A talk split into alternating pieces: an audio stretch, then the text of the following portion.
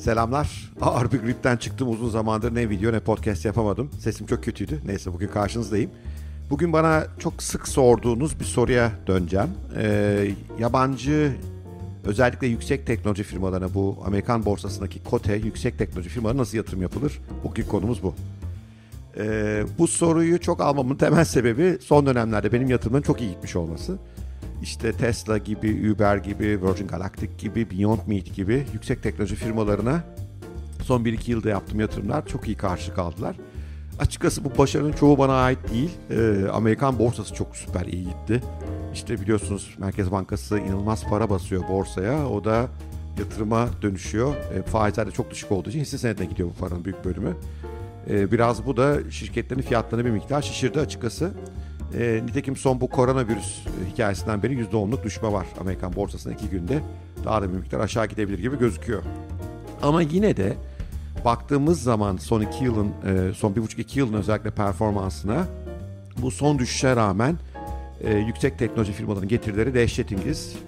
Yüzde binler, iki binler civarında getiriler var. Hani bir örnek vereyim Tesla geçen sene Temmuz'da 200 dolarlardaydı. Bir ara bu sene 900 buldu. Şu anda işte 750-800 arasında geziniyor. İnanılmaz artışlar var yani 6 ayda bir yılda 3-4 katlar var. Ben de bunları paylaştıkça pek çok insan ya hocam ben nasıl yatırım yaparım diyor. E, ona bu e, videoda cevap vermeye çalışacağım. Öncelikle ben bir yatırım tavsiyesi vermiyorum. E, borsada nereye gidecek konusunda da pek bir fikrim yok. Birkaç kere de aslında son birkaç aydır uyardım insanları. Bu çok tehlikeli gidiyor, çok aşırı şişti diye. Bundan sonra ne olacağını öngörmek zor. Ama e, inancım bir insanın yatırım portföyünde mutlaka bu yüksek teknoloji e, şirketlerinden birkaç tane bulundurması lazım. E, bunun sebebi de e, bu şirketlerin yukarı doğru gitme potansiyellerindeki muhteşem e, fırsatlar. Tabii aşağı doğru da gidebilirler. Ama giderlerse yukarı doğru inanılmaz fırsatlar yaratıyorlar. O yüzden e, portföyünüzün bir bölümünü bunlara ayırmak mümkün. E, hisse senedi yatırımcı aslında üç çeşitte yapılıyor e, benim gördüğüm. Bir tanesi günlük e, işlemler, günlük trade, işte gün içerisinde al satlar. Benim bildiğim bir yöntem değil, o tekniklerden hakim değilim. Ayrıca çok zor olduğunu düşünüyorum ve bir Amerikan borsası şöyle bir huyu var. Türkiye saatiyle akşamüstü 4.30'da başlayıp gece 12'de kapanıyor. Yani hayatınızı ona vermeniz lazım. E, aile, çoluk çocuk unutun çok ender yapıyorum. Bazen böyle o günlük çok sert hareketler olduğu zaman borsada öyle fırsatlar olabiliyor. Ama pek tercih ettiğim yöntem değil. İkinci bir yöntem değer yatırımcılığı. çok uzun vadededir piyasada olan, e, karlı, temettü dağıtan, yıkılmayacak gibi gözüken şirketlere yatırım yapmak. İşte teknoloji sektöründe Apple böyle bir örnek olabilir ama daha klasik örnekler ne bileyim Coca-Cola, Procter Gamble, e, General Electric bu tip firmalardan bahsediyoruz. bu firmalara yatırım yaptığınız zaman ani bir değer kaybı pek olmuyor. Ama bu firmaların büyüme ihtimalleri az olduğundan çok ciddi bir değer kazanımı da zor. Geçen sene Apple gerçi e, bu standartın dışına çıktı ama yine bu istisnai bir iş diye düşünebiliriz. Üçüncü yatırım alanı ise growth stocklar, büyüme hisseleri. Bunlar genelde henüz kar etmeyen yeni bir iş modeli, yeni bir teknolojiye sahip şirketler. Piyasaya açılmış durumdalar, halka açılmış durumdalar. Bir iki yıldır e, piyasada işlem görüyorlar. Kar etmedikleri için e, spekülatif hisseler bunlar. E, çünkü yatırımcı risk alıyor bunlarda çok fazla. Fakat bunlar iyi giderse inanılmaz iyi gidiyorlar. Kötü giderlerse inanılmaz kötü gidiyorlar. İşte benim sevdiğim alan e, burası. İşte demin bahsettiğim Beyond Meat gibi, e, Virgin Galactic gibi, Tesla gibi şirketler hep bu kategoriye giriyorlar. bu tip şirketlerin ortak özelliği uzun zaman sürünüyorlar. Sonra bir gün e, ürünlerini, iş modellerini öyle bir hale getiriyorlar ki talep bunlara doğru çok akmaya başlıyor. Sonra hızlı büyüme gerçekleşiyor. O zaman da hisse senedinizin kat, kat ve kat kar etmesi mümkün oluyor. Benim alanım burası. E, bundan dolayı da portföyümün sadece bir bölümünü burada tutuyorum. Ben de daha güvenli araçları da elbette kullanıyorum. Peki buraya nasıl yatırım yapılır bir Türk olarak? Biraz da bunun tekniğinden bahsedelim. Aslında temelde iki yöntem var kullanabileceğiniz. Bir tanesi bütün büyük bankaların e, mesela İş Bankası'nın var, Akbank'ın var biliyorum. Bu tip e, yüksek teknoloji şirketlerinden oluşan portföyleri var, fonları var. E, bu fonlardan satın alabilirsiniz. Tabii fon aldığınız zaman e, yönetimi oraya bırakmış oluyorsunuz. Bu da hisse senetlerinin e, o aşırı karlarına ayarlanmanızı bir miktar engelleyebiliyor. Çünkü fonlar risk dağıtarak bu işi yapıyorlar. O risk dağıldığı zaman da e, çok hızlı büyüyen şirketi yakalayamayabiliyorsunuz. Tabii bunun olumlu yönü de o fon çok hızlı düşerse e, hisse senette çok hızlı düşse bile affedersiniz fon çok sert düşmüyor. Daha e, bir portföy mantığında olduğundan daha dengeli gidiyor olabiliyor. O yüzden ilk tavsiyem bu. Bu fonları alıp kalk ve satmak son derece kolay. İşte bu bankalara eminim diğer bankalarda da var benzer şeyler. Hatta mesela şunu, şunu biliyorum Allianz'ın bireysel emekliliğinde bile böyle fonlar var. Bu fonlardan satın almanız e, gayet basit bir işlem. E, bankanıza bu konuda başvurursanız size yardımcı olacaklardır. Günlük olarak alıp satabiliyorsunuz. E, ben ilk başta böyle başlamıştım. Fena da para kazanmadım açıkçası. İyi bir yöntemdi. Biraz o dünyaya girmek için iyi.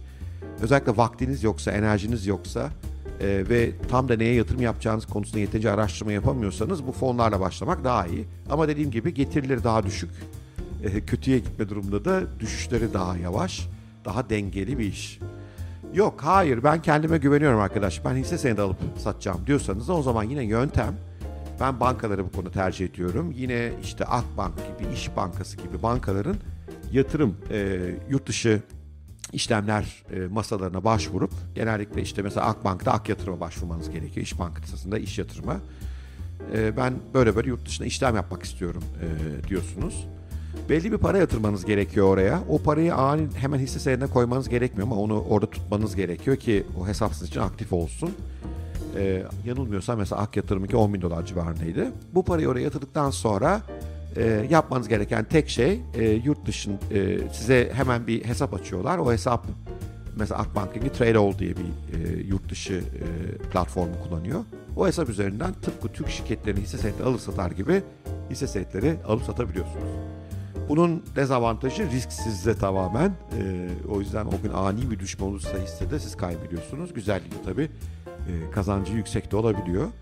Türkiye'den işlem yapmak biraz pahalı. E, fiyatları vermeyeyim şimdi transaksiyon maliyetlerini. Çünkü eminim bankadan veya yatırım şirketten yatırım şirketine değişkenlik gösteriyor. Ama şunu söyleyebilirim.